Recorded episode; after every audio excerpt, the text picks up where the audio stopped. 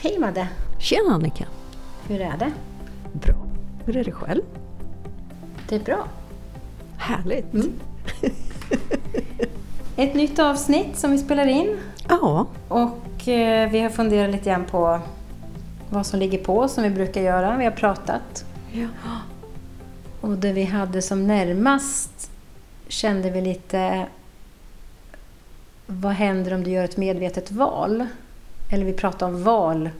Att göra Att val. göra val. Att göra val. Att välja. Mm. Och vad händer med det och hur påverkar det och så. Men det är lite spännande. Ja. Det är väldigt spännande. För gör val, det gör vi ju konstant och hela tiden, omedvetet. Mm. Det är ju så spännande när vi drar det här sen till eh, det lite yttersta. Och det är ju när vi ska fatta val som ligger oss varmt om hjärtat. Som är viktig för oss. Kan du Hur ta den- något exempel? Hur, hur den valprocessen ser ut. Mm. Ehm, Det kan vara till exempel om jag, vilken utbildning jag ska välja. Eller vilken, vilket, ska jag byta jobb eller inte? Ehm, Ska jag flytta till en ny bostad? Ehm, Ska jag, alltså, sk- ska jag tacka ja eller nej till den här relationen? Mm. Ehm, Alltså saker som känns viktiga för oss. För våra barn. Alltså, behöver jag byta skola åt mitt barn? Vilken skola ska jag välja? Eller vilken förskola? Eller hur mycket ska jag lägga mig i mina vuxna barns liv?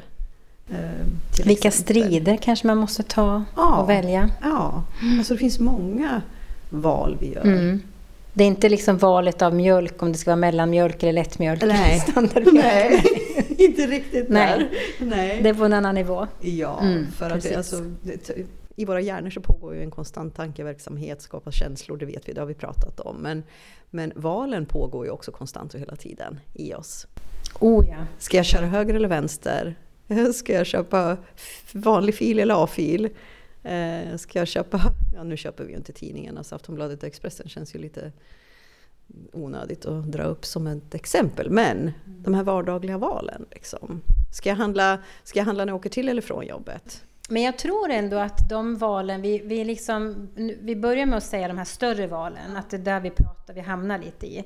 Men jag tror också vardagsvalen kan bli stressande för många människor. Att de påverkar en mer än vad man tror.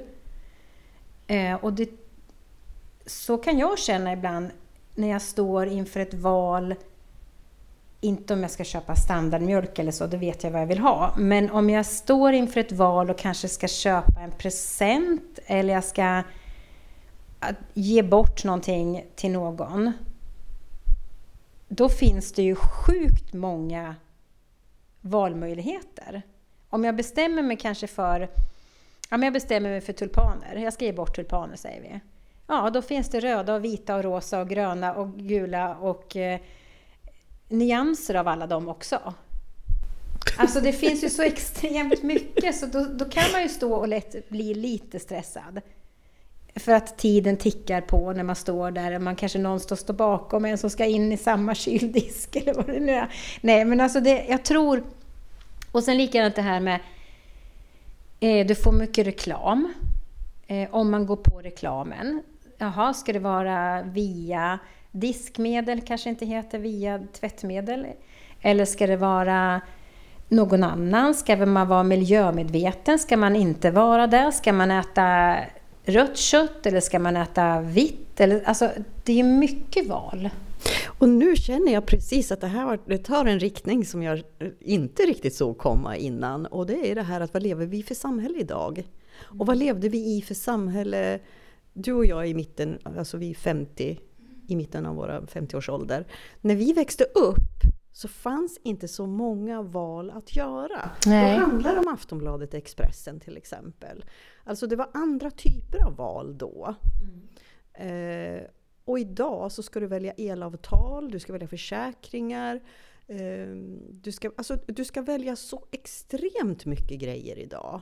Och du förväntas att som vanlig människa också vara så påläst inom så många områden så att du fattar kloka beslut. eh, som faktiskt kan innebära stort påverkan på våra liv. Mm. Vardagsliv. Liksom. Ja, för jag tänker det du säger nu så, så genast så känns det som att det kan påverka vårt samvete också. Absolut. Vilka val vi gör.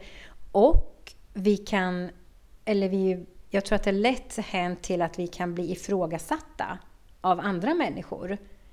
Och vad tar vi för ställning då?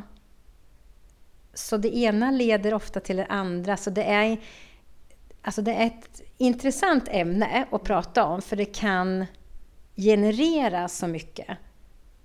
Ja, det, det, alltså, nu, nu måste jag känna lite på den här, för det här kände jag för att jag ska säga kloka saker som också du som lyssnar faktiskt kan relatera till på ett praktiskt sätt i ditt liv.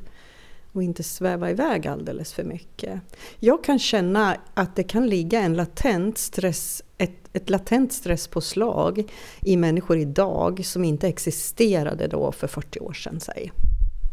Ja, det Då tror låg jag det ett annat typ av stress i människor. Och drar vi det ännu längre tillbaka när vi levde mer i bondesamhälle innan, innan industrialiseringen Eh, så låg ju stressen mer i att, att liksom överleva. Att det var bra skörd, att jag fick in allt i tid, att jag hade de djur jag hade, att hönsen värpte som de skulle. Och, och där fanns det ett annat typ av stress. Och sen kommer industrialiseringen och vi ska samlas många i samma samhälle. Och då ska vatten och avlopp räcka till och så vidare. Alltså, och pengarna börjar betyda mer och mer för människor eh, som betalmedel. Och då finns det en stress i det plötsligt. Och idag så, så lever vi i en mer teknologiskt samhälle där informationen går så extremt snabbt. Som du säger att det är reklam eller vi, vi bombarderas med värderingar hela tiden. Att tycker du inte så här så är du fel. Känner du inte så här, gör du inte de här valen då, då är du fel. Det ligger hela tiden undertryckta hot på obekvämt sätt känner jag i det här. Och frågan är hur medvetna är vi varje dag om vad som pågår runt mig? Är det så konstigt att jag är trött? Att jag känner att det skaver i mig och jag riktigt inte kan placera den här känslan i mig själv. Alltså förstå vad vi påverkas omedvetet hela tiden i när det handlar om att göra val. Ja, verkligen. Eh, och det, det, det har jag tänkt på jättelänge. Den känslan av tryckning, för det finns ju där under ytan. Um, och som du säger, förtäckta eller fördolda hot eller, eller riktning till vårt samvete. Att vi ska ta ställning till. Vi som människa och eh, konsumenter eh, eller medmänniska ska ta ställning hela tiden. Och mycket riktar sig ju till, eller bort ifrån oss själva. Så att vi ska ta hand om kanske någon annan eller vi ska stå, stå, stå till svars för eller vi ska göra det här valet för det är det bästa för alla andra eller för hela gruppen man tillhör eller vad det nu är för någonting. Så kan jag uppleva i alla fall att det är mycket nu. Och det gör ju att vi kommer längre och längre ifrån oss själva också i mycket. Eh, därför tror jag faktiskt motsatsen till det här då som du- när vi var inne på bondesamhället, det har ju passerats men jag kan uppleva att många idag, framförallt yngre människor, känner någonstans att de inte orkar springa i det här ekorrhjulet heller som, som blir av alla dessa val vi har. Um, Så att de väljer ett annat, eller de önskar och en del väljer ett annat liv. Det är också spännande. Och fler och fler börjar ju faktiskt, det finns ju en jättemarknad idag, en, en växande marknad idag för självhushållning. Eh, och jag tycker att det är så fantastiskt fint. För att det är på ett sätt att ta tillbaka rättigheten att leva ditt eget liv och inte längre låta dig påverkas så mycket av omständigheter och de förutsättningar du har när du hela tiden måste betala för att någon annan eh, odlar åt dig eller skickar el i dina ledningar och så vidare. När jag kan elda mer kanske, jag har egen ved, jag kan klara mig bättre på det och jag kan odla min egen mat och lite sådär. Och det är på ett sätt att ta tillbaka liksom, friheten i att vara och leva mitt eget liv. Den känns fin. Mm. känner hopp där faktiskt. Ja, jag med verkligen. Jag tycker det är jättekul. Eh, jag skulle ju... Jag tänker på det, jag sitter och känner på känslan av att när man gör ett val som man sen presenterar till någon annan, kanske rent av ja, man själv upplever att det, det liksom känns så rätt och man är lite pirrig och, och så här glad och så. Då. Och så levererar man då den här äh, beslutet jag har tagit liksom till någon eller några. Och känner då att jag får tillbaks... Jaha. Den attityden. Att, varför då? Den är rolig. Men vad, ja precis. Den, hur möter man det? Jag tror att det är rent individuellt, vem du är som människa själv. Antingen kanske du reagerar med en ilska. Eller en självkritik. Att du är fel, eller har gjort fel. Ehm, eller en, en rädsla för att, nej men gud var jag så fel ute? Har jag inte tillgång till att fatta mina egna beslut? Hur kunde jag göra så fel? Alltså, jag tror att det kan väcka väldigt mycket olika saker i olika människor faktiskt. Och precis som vi började och sa, att eh, ju närmre ditt hjärta valet ligger, eh, hur betydelsefullt det är för dig, desto större blir nog effekten ja, men känslomässigt i dig. Ja. Så ju mer tillgång du har till din egen kompass som vi brukar prata om, Mm. eh, desto tryggare kan du känna dig när du fattar beslutet. Ja, och trots det så kan man absolut drabbas av ett eget ifrågasättande någonstans eller att man har en liksom uns av oh, gjorde jag rätt? Absolut. Eh, men att våga stå fast vid det här första man ändå kände kanske så starkt för innan man fick eller bemöttes av en attityd som man inte var på samma våglängd med. Eh, så att man känner att man står kvar vid det och inte överger sig själv på något sätt i det beslutet. Ja. Så försvinner ju den känslan snabbt. Och då förstår man att nej, men det är ändå det är rätt. Det, det, alltså jag tror att både du och jag och väldigt många med oss som lyssnar kan dra sig till minnes när, när, när jag har fattat ett val som jag vet är helt sant och rätt för mig och vad det vad hände runt omkring mig när jag levererade det här för andra? Och det kan ju vara olika reaktioner. Men vad, det som är mest intressant är ju, vad hände i mig? Om jag drar mig till minnes 10 år tillbaka, 20 år tillbaka, 30 år tillbaka, kanske till och med 40 år tillbaka. Mm. Och idag. Alltså att gå in i den känslan i mig. Vad hände i mig mm. då? Och se där hur jag har utvecklats, vilket jag förhoppningsvis har. men, men vi har ju säkert också minnen av beslut som har varit av olika vikt för oss då. I de här olika åldrarna. Um, den är otroligt intressant känner jag precis. Och eh, det ligger ju många gånger eh, en ganska lång process bakom innan vi väl kommer till skott och har fattat ett beslut. Mm. Det är mycket tankar, känslor, alltså vi kanske har skrivit för och motlistor, alltså gjort allt, allt det här som vi gör som ansvarsfulla människor. Ja, research, prata med folk ja, eller vänner Gud. eller familj och så. Ja. Mm. Bollat fram och tillbaka i alla ja, fall. Mm. In, innan vi, vi landar in i det. Och vissa beslut vi fattar, även om de är stora, är bara helt självklara. Mm. De bara är där. Det, det, är bara det här som, det finns inget annat, det är inte ett beslut att fatta. Utan det är bara den här vägen jag ska gå på något sätt. De sker ju inte kanske lika ofta att jag bara vet och så fattar jag det här beslutet när det handlar om stora saker i mitt liv.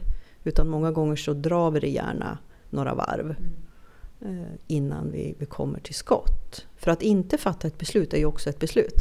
Det måste mm. vi komma ihåg. Mm. Men det som händer då, det är ju många gånger det att vi överger oss själv totalt och blir att känna oss i livet Eh, nu ska vi se här, jag ska leta efter rätt känsla. Uh, att jag inte känner mig värdig, att jag är dålig, att jag gör dåligt. Det spelar ingen roll vad jag säger, det spelar ingen roll vad jag gör. Jag är inte viktig för någon annan. Känn på de här. Mm. Ja, hela tiden. Om jag hela tiden backar tillbaka och in, väljer att inte fatta beslut. Om jag väljer det beslutet, mm. jag beslutar mig för att inte fatta ett beslut. Mm. Då kommer livet att hända mig hela tiden. Livet kommer hela tiden att hända mig. Mm. Jag går inte ut i livet och lever det och tar för mig av livet och går min väg. Nej, det händer ändå. Och det gör det ju, för livet händer ju ändå. Men du har ju... Det är ju någon annan som väljer åt mig där. Ja, du jag... ligger i händerna på någon annan eller några andra. Eller vad det, ja. Du ligger i alla fall utanför dig själv. Ja, och det kommer att skapa en, en, ett skav i dig som kommer att ligga omedvetet. Som kommer mm. att presentera sig på olika sätt för dig. Mm. Det, det är jag helt övertygad om. Ja, det kan, det, det, kan jag, alltså, det kan man ju skriva under själv. Att när man i livet har haft långa processer inom sig som man kanske först har gjort ett val av att inte välja då, om man säger. Men att det finns då ett skav. Och det gör sig ju påmind, som för, mitt, för min del så har det gjort sig påmint i min kropp, min fysiska kropp. Eh, där jag har liksom satt mycket av mitt ehm, skit, om man säger. Liksom att omedvetna, eller medvetna eller omedvetna val, fast det kanske inte har varit rätt, för att jag har inte följt min väg. Och många gånger tror jag, i mitt fall, dels har det varit rädslor, men det har också varit ibland att, du vet den här stoltheten. Ja den kränkta stoltheten då. egots, eh, lilla. egots lilla boning. Där och känsla som den tycker om.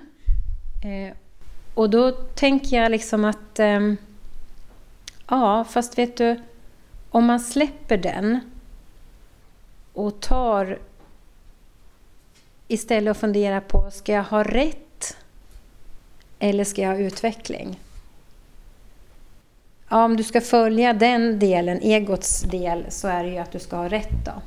Du, för, du liksom någonstans...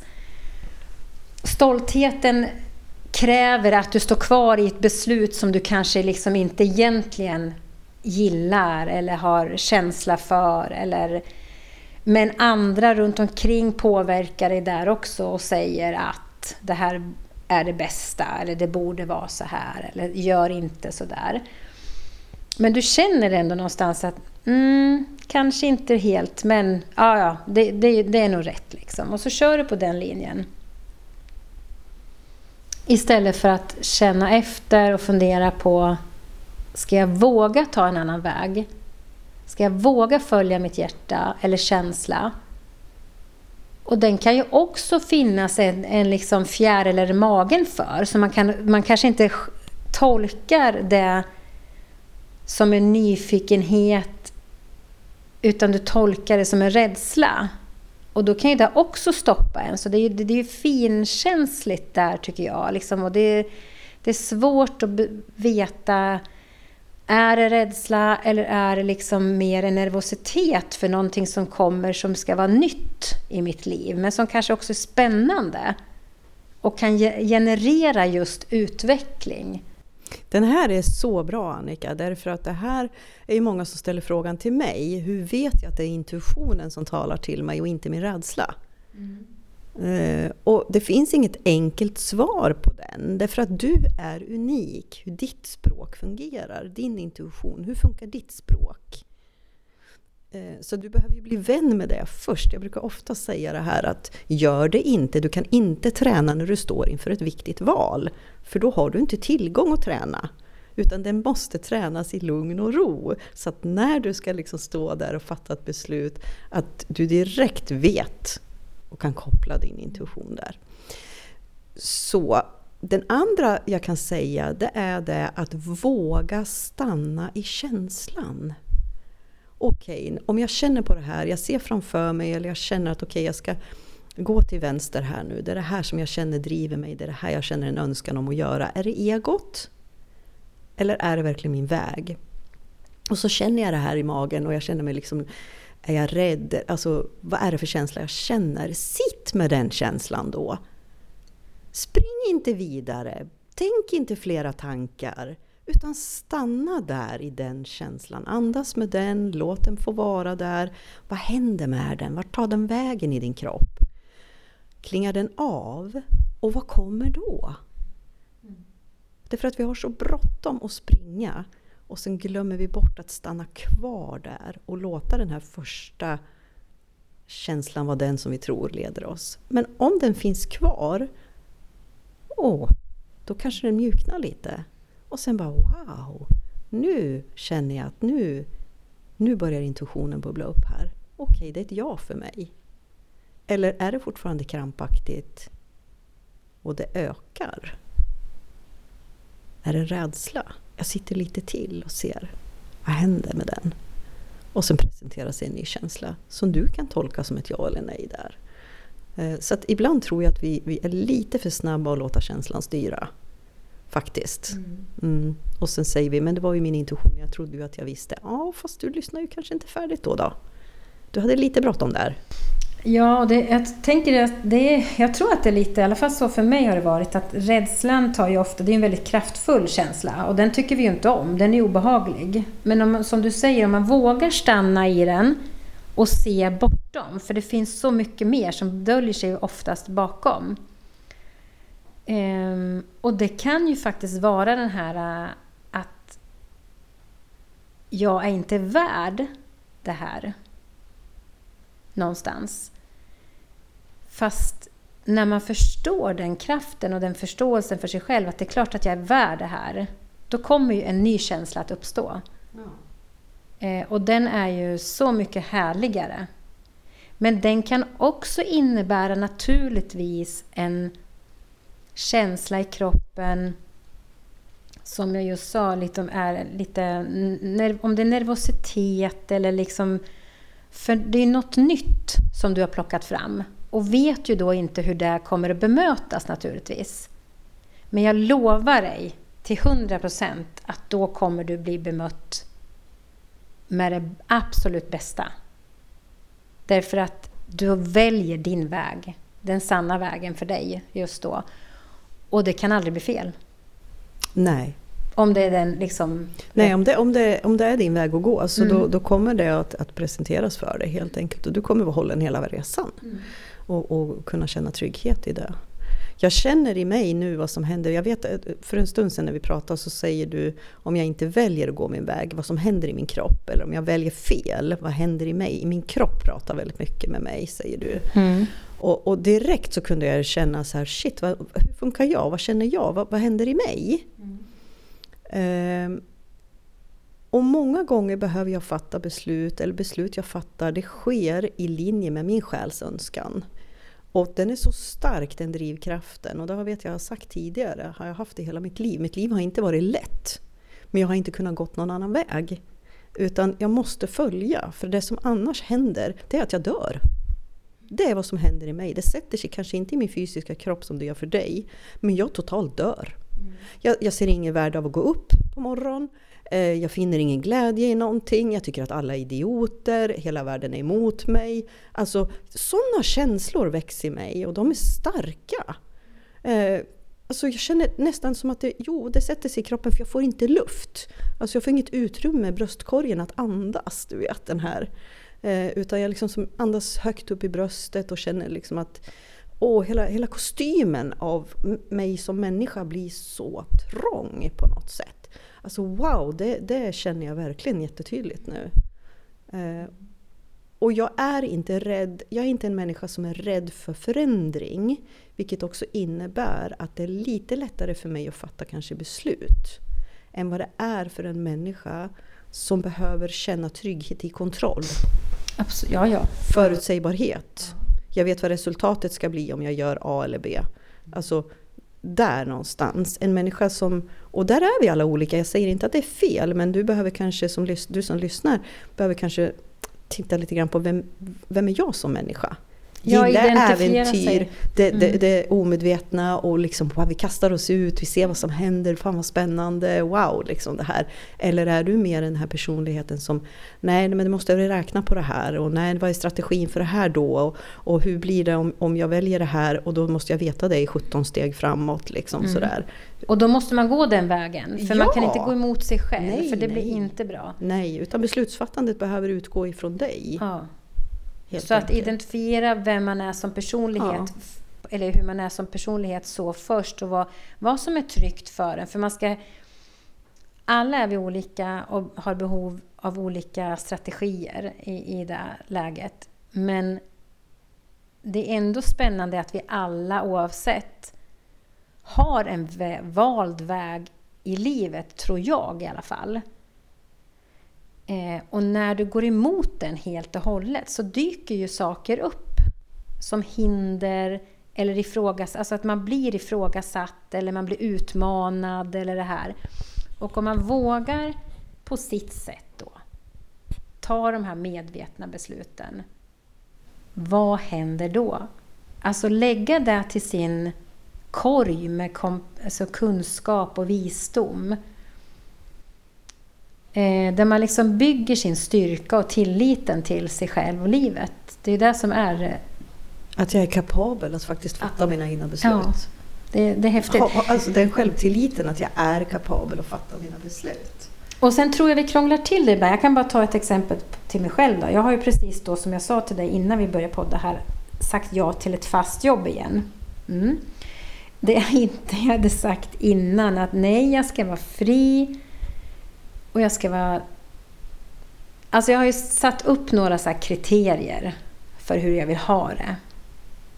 Och sen har jag bett universum, mina, mitt team då, att ge mig signaler, jag är öppen för det. Mm. Och jag ska göra ett val. Och det kommer ingenting egentligen så på det sättet. Sen får jag liksom ändå förfrågan några gånger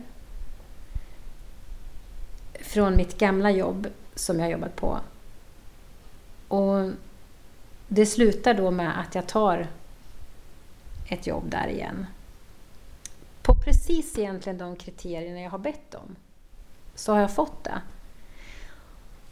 Och sen tänker jag så här, varför har jag liksom krånglat till? Alltså jag har ju tittat så stort utanför mig själv. Jag har letat och letat och letat fast det har stått så nära mig egentligen. Och det man kan se då, det är, jag skulle kunna titta på det att, eh, eller jag har ju också blivit bemött av det liksom att Jaha, men du sa ju att du skulle. Ja, fast jag har ändrat mig. För man kan faktiskt ändra sig också. Den är så jävla bra. Utan att liksom på något sätt trycka till sin stolthet eller vad det är. Det spelar ingen roll, jag har ingen prestige i det. Alltså jag bryr mig inte. För jag ser det verkligen som en möjlighet till en annan utveckling. En annan gren av min liksom, väg nu som jag har någonstans ändå påbörjat. Och jag tror det kommer bli jättebra. För att känslan jag fick var sådär enormt starkt positiv. Och då är det det enda jag kan följa. För mig i alla fall just nu. Ja, och det där är ju en överenskommelse som du behöver vara sams med dig själv i, vilket du helt klart eh, känner att du är. Um, och jag älskar den här attityden och insikten i, vet du vad, jag kan faktiskt alltid ändra mig. Jag vet att människor kan ha svårt att, att ha mig i sin närhet i sitt liv. Jag säger ofta till min man där att ja, men, jag har aldrig sagt att det är lätt att leva ihop med mig. Därför att jag ändrar mig konstant och hela tiden. Om jag vill, vill ha potatis på förmiddagen när han frågar vad vi ska äta så har jag totalt två timmar senare ändrat mig. Det går liksom inte, utan jag måste i stunden känna. Och det är inte, det är inte lätt eh, för andra att relatera till det. Men, men det var en parentes. Jag är lite nyfiken på att du går tillbaka till ett jobb du har sagt upp dig ifrån. Eh, du är överens med dig själv om att det här vill jag göra. Eh, vad händer med människor där? Dina tidigare kollegor, liksom, arbetskamraterna. Upplever du att de har någon form av åsikt om ditt val? Det kanske de har. Eh, det, jag har inte gått in i den känslan egentligen så, för det är möjligt att det finns. Men ändå inte på något negativt. Jag har inte upplevt något negativt liksom, utan jag har upplevt en, ändå en positiv sfär, energi.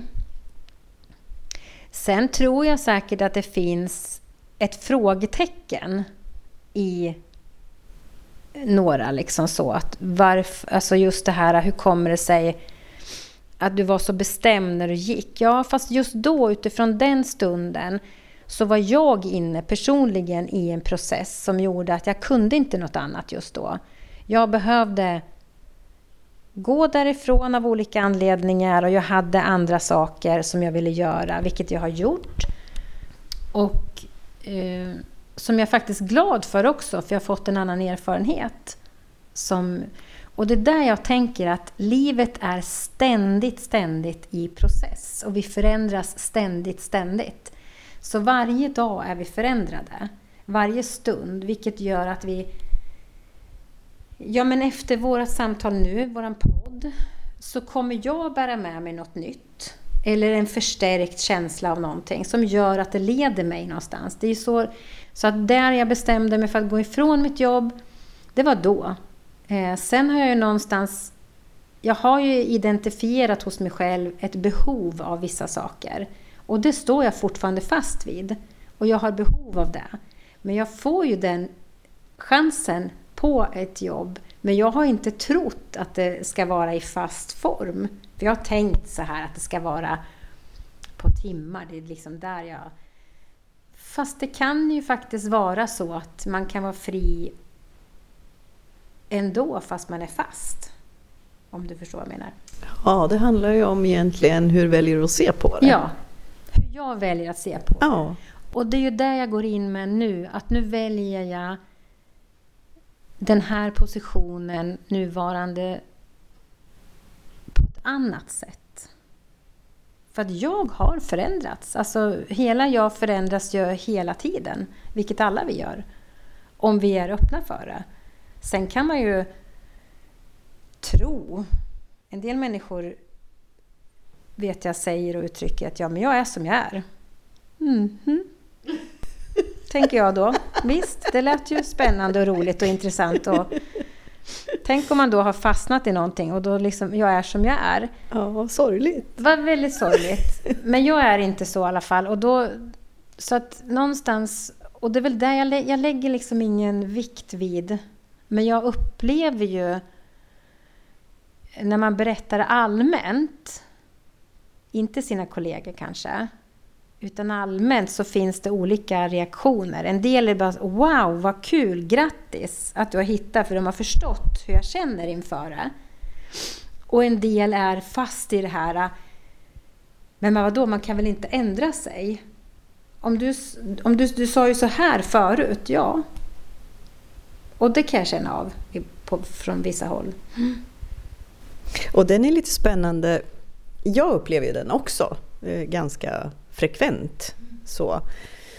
Någonstans så, så kan jag se det som intressant ibland att liksom, åh vad spännande, vad hände i den där människan? Varför hade den en åsikt om mina val eller mina beslut? Liksom?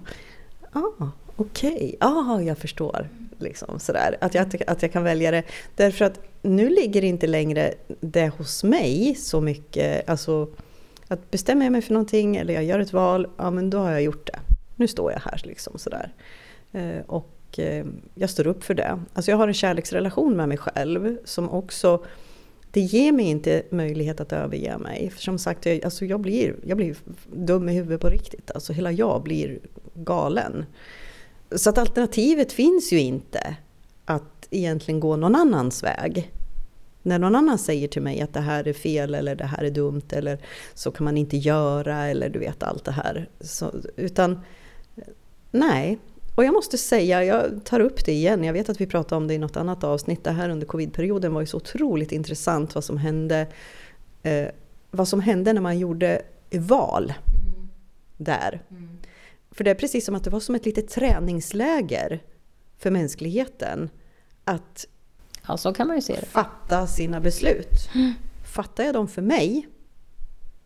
Eller fattar jag dem för att det är obekvämt att fatta beslut för mig själv?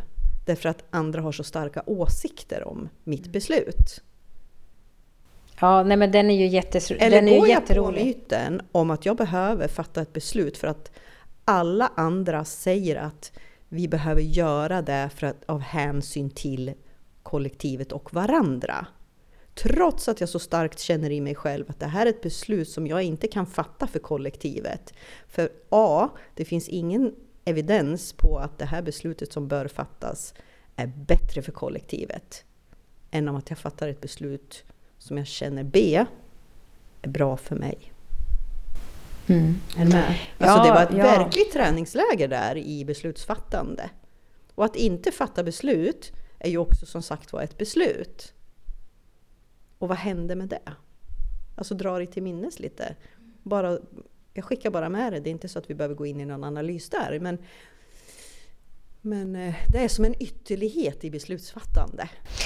Ja, det kan man nog säga att det är. Och sen här, var det ju, här blir det ju väldigt mycket känslor som står på spel och eh, ifrågasättande, värderande, bedöma. Alltså det är ju, det är ju liksom, ligger på en annan nivå skulle jag vilja säga. Fast den är spännande. Den är väldigt spännande. I efterhand är det spännande Ja. och det var spännande även i process. Ehm, Så att det, nej, men det var som ett träningsläge verkligen i beslutsfattande för var och en av oss egentligen. Nu när man tittar så här i efterhand. Ja, vi alla gjorde ju olika val. Ehm, det som jag fastnar egentligen starkast vid, det är nog ehm, hur man kan exkludera människor för att man tror att just jag har rätt i min fråga. Att det är sanningen. Den, den delen har jag funderat mycket på och känner att den mm, är lite intressant. Och det som sker där, alltså tittar vi i, stannar vi kvar här i den och så tittar vi, vi lyfter lite grann blicken. Vi, vi, vi låtsas att vi är en svävande hök. Och så tittar vi ner på det här som pågår här nedanför under egentligen. Så är det ju ett maktspel. Därför att som sagt var än idag, fast vi har passerat den, den akuta situationen, så finns det ju ingen evidens för någonting åt något håll egentligen. Om, när det handlar om besluten i att eh, ja eller nej-sida. Är du med? Ja, nej, den är, den är för färsk, det är för nytt. Det, finns, ju liksom, inte finns ju fortfarande inte... ett facit här Nej. eh, för någon människa. Utan facitet ligger ju i, i dig själv, i din sanning. Eh, och vad som känns bekvämt i dig, i ditt beslutsfattande. Men, men man har ju i, en makt, i ett maktspel försökt att spela på något sätt ut individer mot varandra och skapa separation genom att vi ska skrämma människor och döma varandra och peka finger. Liksom. Det här är ett farligt spel. Det är ett farligt spel att spela med människor. Eh, att i en stor rädsla börja värdera människor som bättre eller sämre. Men har det inte alltid varit så? Det har alltid varit så i alla krig. I alla tider I har det alla funnits. tider. Ja. Ja. Och människan är fortfarande så inte kommit längre i sin utveckling. Alltså det är min personliga åsikt. Så att vi ser bortom illusionen Nej. av det här spelet. Att verkligen landa, gå tillbaka till mig själv. Nej, men vem fan har dött och gjort mig till Gud? Vem har sagt att jag har rätt att döma någon? Jag må vara hur rädd jag vill, men jag kan ju inte säga att någon annan gör fel. För den fattar ju sina beslut utifrån sin sanning, från sin plattform. Men det här är ju så stort och så invecklat och så djupt. så och, sjukt häftigt! så alltså. att det är ju, det är ju jätte... Det, ja visst, och det här skulle vi kunna sitta i fem timmar till. Så jag säger det. Det var ett träningsläger i beslutsfattande. Mm. Verkligen, verkligen alltså. Mm. Jag fattade ett beslut här om veckan och jag behöver kanske inte gå in så djupt på det men eh, det var så rätt för mig på något sätt. Alltså det bara levererades. en lösning för mig. Mm. Vet, jag jobbar ju halvtid i Eskilstuna med omnejd och halvtid i Smedjebacken, Dalarna med mm. omnejd. Mm. Och det jag har fått förmånen gjort är att ha en plats att sova på när jag är där. Och så har jag ju familj där och jag har familj i Eskilstuna. Alltså så att jag har liksom lite överallt. Och jag har ju skickat upp en önskan och jag har ju aktivt liksom också hållit ögonen öppna lite grann för att hur skulle jag kunna lösa min boendesituation? Eh, för att jag ska kunna för att min familj ska känna att jag värderar alla lika, att jag finns tillgänglig för alla. Liksom. Och att jag vill också ha tillgång till familjen. Mm. Samtidigt som jag jobbar på de olika ställena. Och så presenterade sig en lösning för mig och jag var ju överlycklig och det gick ju hur lätt som helst. Alltså allting låg på plats liksom. Och sen så ska jag liksom presentera det här för människor involverade då i min familj och i mitt liv och får då blandade reaktioner. Mm. Så, som, som tar mig från den ena ytterligheten till den andra i känslospektrat. Eh, och någonstans så landar jag ju i att nej men det är ju mitt beslut. Jag kan inte bry mig om faktiskt alla andras reaktioner i det här. Så jag fattar ett beslut bara att okej, okay, jag tackar ja till det här och det här får bara bli bra. Liksom. Mm. Så. Um, men jag kan ju säga att det var häftiga känslomässiga svängningar i den processen. För alla hade åsikter. Uh, sen om de, alla de åsikterna var inte helt sanningssanna så som jag uppfattade dem. Utan jag uppfattade kanske att andra reagerade på ett sätt som de egentligen inte menade. Mm. Men, men allting presenterades ju för mig mm. på det sättet. Det var sjukt häftigt. Och det är ju också lite... Det är ju många gånger när man gör ett beslut och det påverkar då, som i det här fallet, nära, närstående liksom, och de reagerar, så blir det ju lite tuffare för när man ska summera för sig själv om det var rätt beslut eller inte. Men som du kände så tydligt att det var där för dig. Och då får det bli som det ska bli, liksom. oavsett vad andra tycker och känner. Och det är ju verkligen fint av dig att, men som du säger gång på gång också, att du inte kan överge dig själv, för det blir så tydligt för dig. Att då blir det fel. Mm. Och det är ju en träningssak. Det behöver vi träna på.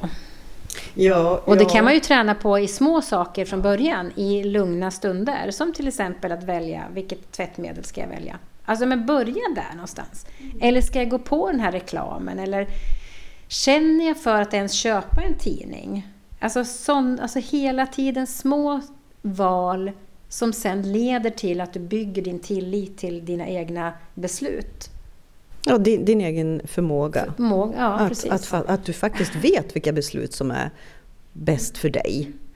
Uh, och jag vill förtydliga också det här att vi drog upp det här lite grann tidigare om att ibland så kan vi gå på en nit lite grann och känna påverkan för att vi förväntas att fatta beslut. Därför att eh, vi, vi får det presenteras för oss på ett sätt att ja men tänk på kollektivet. Alltså mm. vi behöver göra så här för att vi behöver vara rädda om varandra. Och jag känner att beslutet behöver inte ligga där. Beslutet måste ligga vad som är bäst för mig.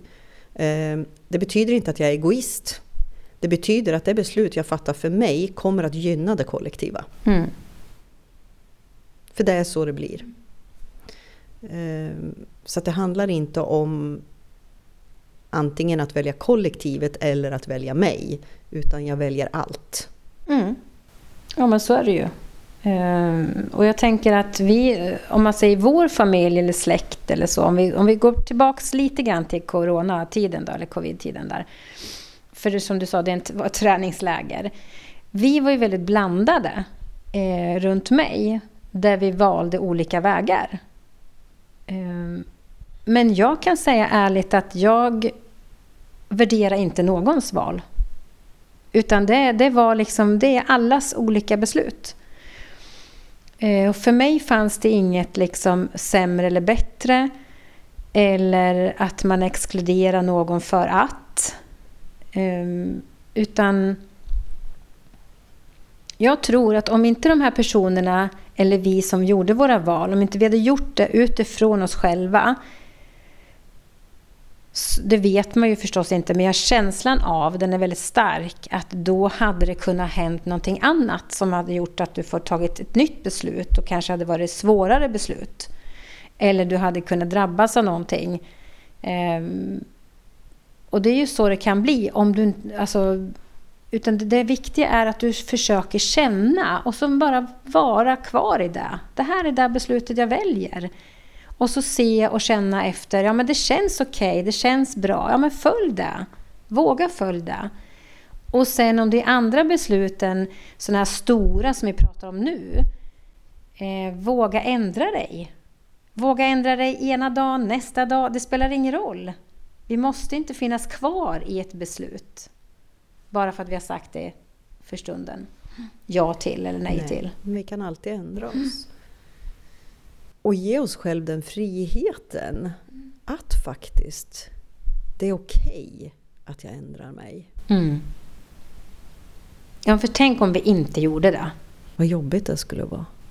Ja, men alltså då sitter vi ju fast verkligen i något gammalt mönster bara som, som en gång har påbörjats och så, har vi inte, så väljer vi inte något annat och nytt. Nej, det går ju inte. Inte i mitt liv i alla fall. Nej, mitt liv skulle nog inte heller det funka. Det ligger någonting mer där, alltså, men jag har inte riktigt grepp om det än. Så ja, kanske inte var menat då, kan jag känna. Jo, nu greppar jag det.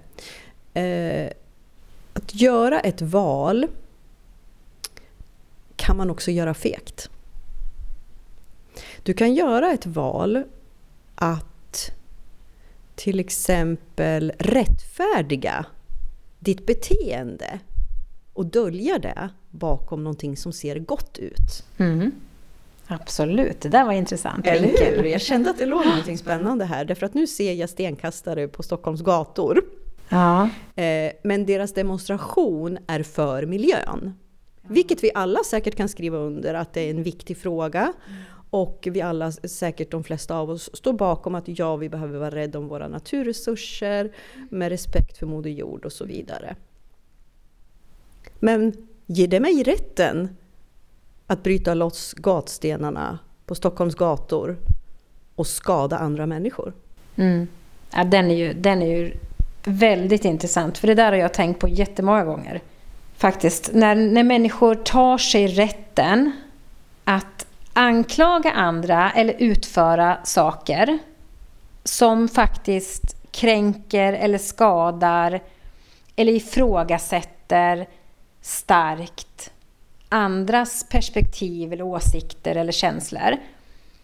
Och de här människorna som gör det görs, alltså ger sig själva den credden för att de är, som du säger då i, i det här fallet, miljöaktivister djuraktivister, kroppsaktivister, inte vet jag vad det finns för olika grupper av människor som sätter sig själva lite på en pedestal. Och jag säger inte, de som gör det av gott samvete, som gör det ifrån god plattform och som inte skadar andra, absolut, de är ju fantastiska och det är de vi ska stärka, det är de vi ska jobba för. Och för men det här andra kan ju göra mig galen nu går jag igång. Ja, jag ser det!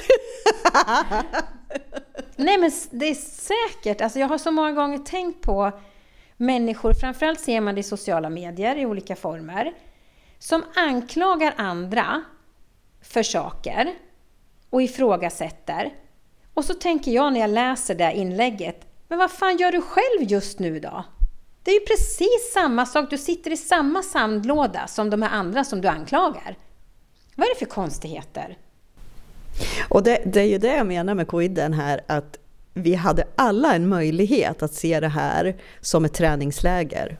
Mm, ja, ja. Därför som du säger, jag, i din familj ni valde olika saker och tar ställning på olika sätt och ingen dömer någon. Mm.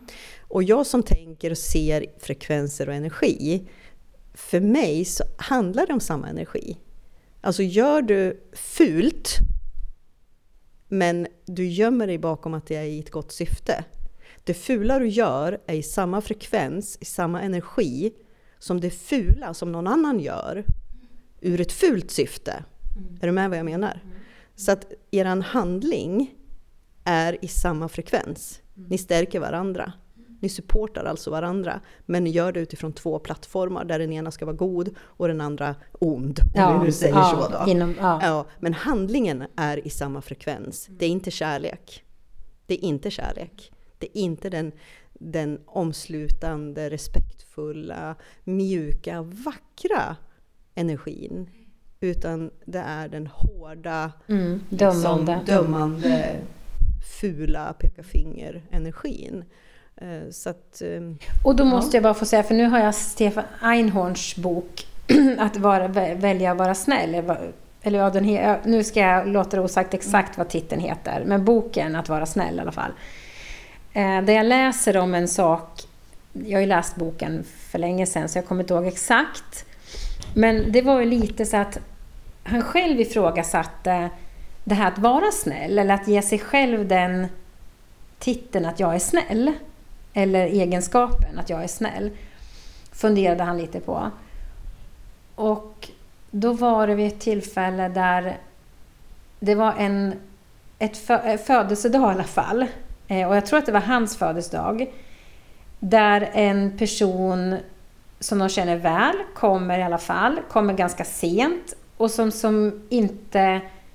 Det är inte så att han är ute efter presenter eller så. Det är inte det han är ute efter och menar att... Men saken var att då var det att liksom personen kommer sent och säger ja, jag glömde, jag hann inte eh, köpa något. Men det är ju tanken som räknas.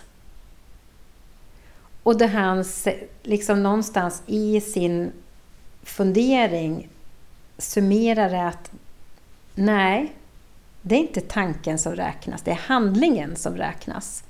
För det är den som kommer ifrån en annan plattform. Tanken, du kan tänka väldigt mycket. Och där tänker jag också att det är lite samma, att du kan gömma dig bakom saker. Och hur många gånger gör vi inte det i så fall? Alltså bakom fel ridå liksom. Men du säger att, och det är klart du kan säga, med ord kan du ju, du kan ju använda vad som helst.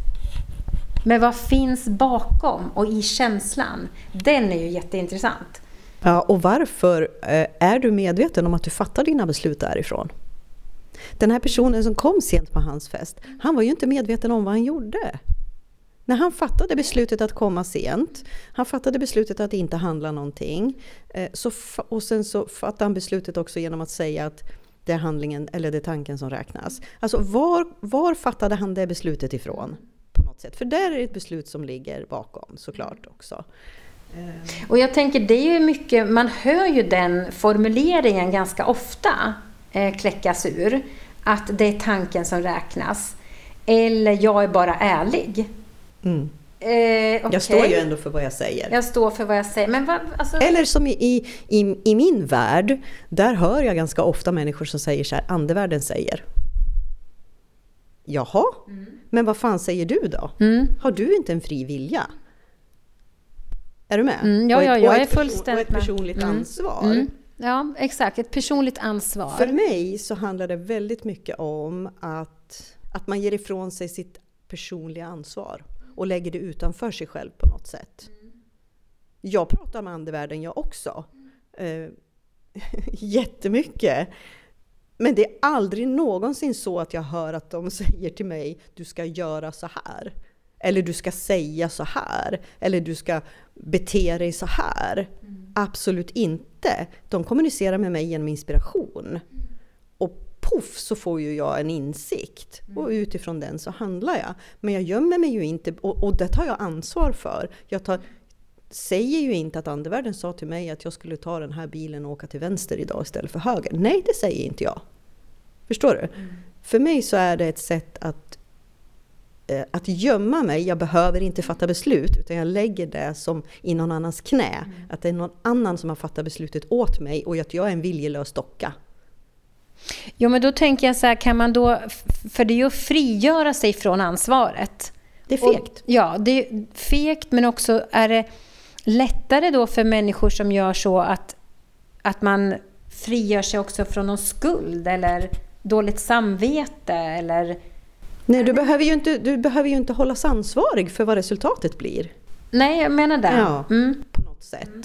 Och, och, och, nu, drar, nu raljerar jag lite grann och det är inte så jag menar att, att eh, Många använder ju begreppet andevärlden säger eh, istället för att säga att alltså jag inspirera, inspirerades till. Mm. Eller alltså man kan använda ett annat ord. Utan det jag menar där när man säger det och sen eh, de sa att jag skulle säga, de sa att jag skulle åka, de sa att jag skulle göra. Mm. Är du med?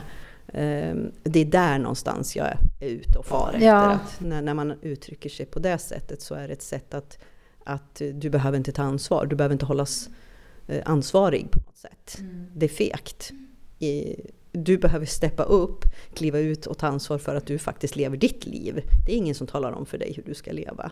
Det är upp till dig hur du väljer. Mm. Jo, men det är lite samma det här att om man nu hur man, hur man för sig och kommunicerar med andra människor, kanske på en fest eller kalas ja, eller på ett jobb eller vad som. Jag säger bara sanningen. Ja, eller man... jag är bara ärlig. ja, men måste man alltid vara ärlig? Alltså, vadå, ska du... Det är ju också det här att liksom... Är det något snällt att säga? Är det viktigt att säga det? Eh, måste jag ha rätt? Alltså att man ställer sig lite frågor innan. Eller det här ska man ju träna på innan, inte just precis där och då. Men man, lite att fundera på de här eh, sakerna så att det man gör blir mer medvetna val som kommer generera så mycket mer positivt både för sig själv och andra istället för att fastna i eh, stoltheten, prestigen, normer, system som vi inte ens har ifrågasatt. Men om jag är i kontakt med mig själv när jag fattar mina beslut då är jag en människa i kärlek. Vi är bara kärlek. Allt annat är illusioner och skådespel i oss själva. Mm. Alla våra tankar och känslor där. Men då säger inte jag saker som sårar andra. Nej. Jag utför inte handlingar som skadar andra. Därför då gör jag ju det mot mig själv. Är du med hur jag menar? Ja, jag är med hur du Så menar. Så när jag fattar mina beslut också eh, faktiskt är ur kärleken det kommer att göra gott och vilja gott? Eller är det ur alltså en rädsla för att inte bli bekräftad, sedd eller ja, vad det nu beror på? Så vilken plattform? Och det som vi kan avsluta kanske med innan vi slutar är ju att säga då att det här är inte enkelt. Vi, vi upprepar ju flera gånger att ja. vi, vi behöver träna på det här när det är liksom mer stiltje omkring oss. Och i små enkla saker. Men det är roligt om man tänker på det här. Det skulle vara kul att folk utmanar sig själva i det här för att se vart det tar vägen. Och framförallt att det här med kärlek, vi är vi är 100% säkra, du och jag, utifrån vår sanning, att vi är kärlek. Så mycket vet vi. Men att vi själva inte alltid gör så kloka val heller, förstås. Och det påverkar andra, naturligtvis, och oss själva. Men strävan vi har i livet är åt det hållet. Att, att leva, vara och verka ur kärlek, ja. ja. Eh, absolut. Um, man, man, kan inte göra mer nej, heller, nej. mer än att göra så. Och nej. så får man se vart det tar vägen innan man kliver upp till nästa nivå. Ja. Eller tar hissen hem. Till... Hissen hem, ja. Men, men, men det jag också tänkte, det var ju det att vi kan skicka med en liten övning faktiskt. Mm. Till våra lyssnare. Mm. Och nu hör ni i bakgrunden att det är något stort um, helikopter som far utanför. Mm. Ja, det är det ju. Det har gjort det i flera dagar faktiskt.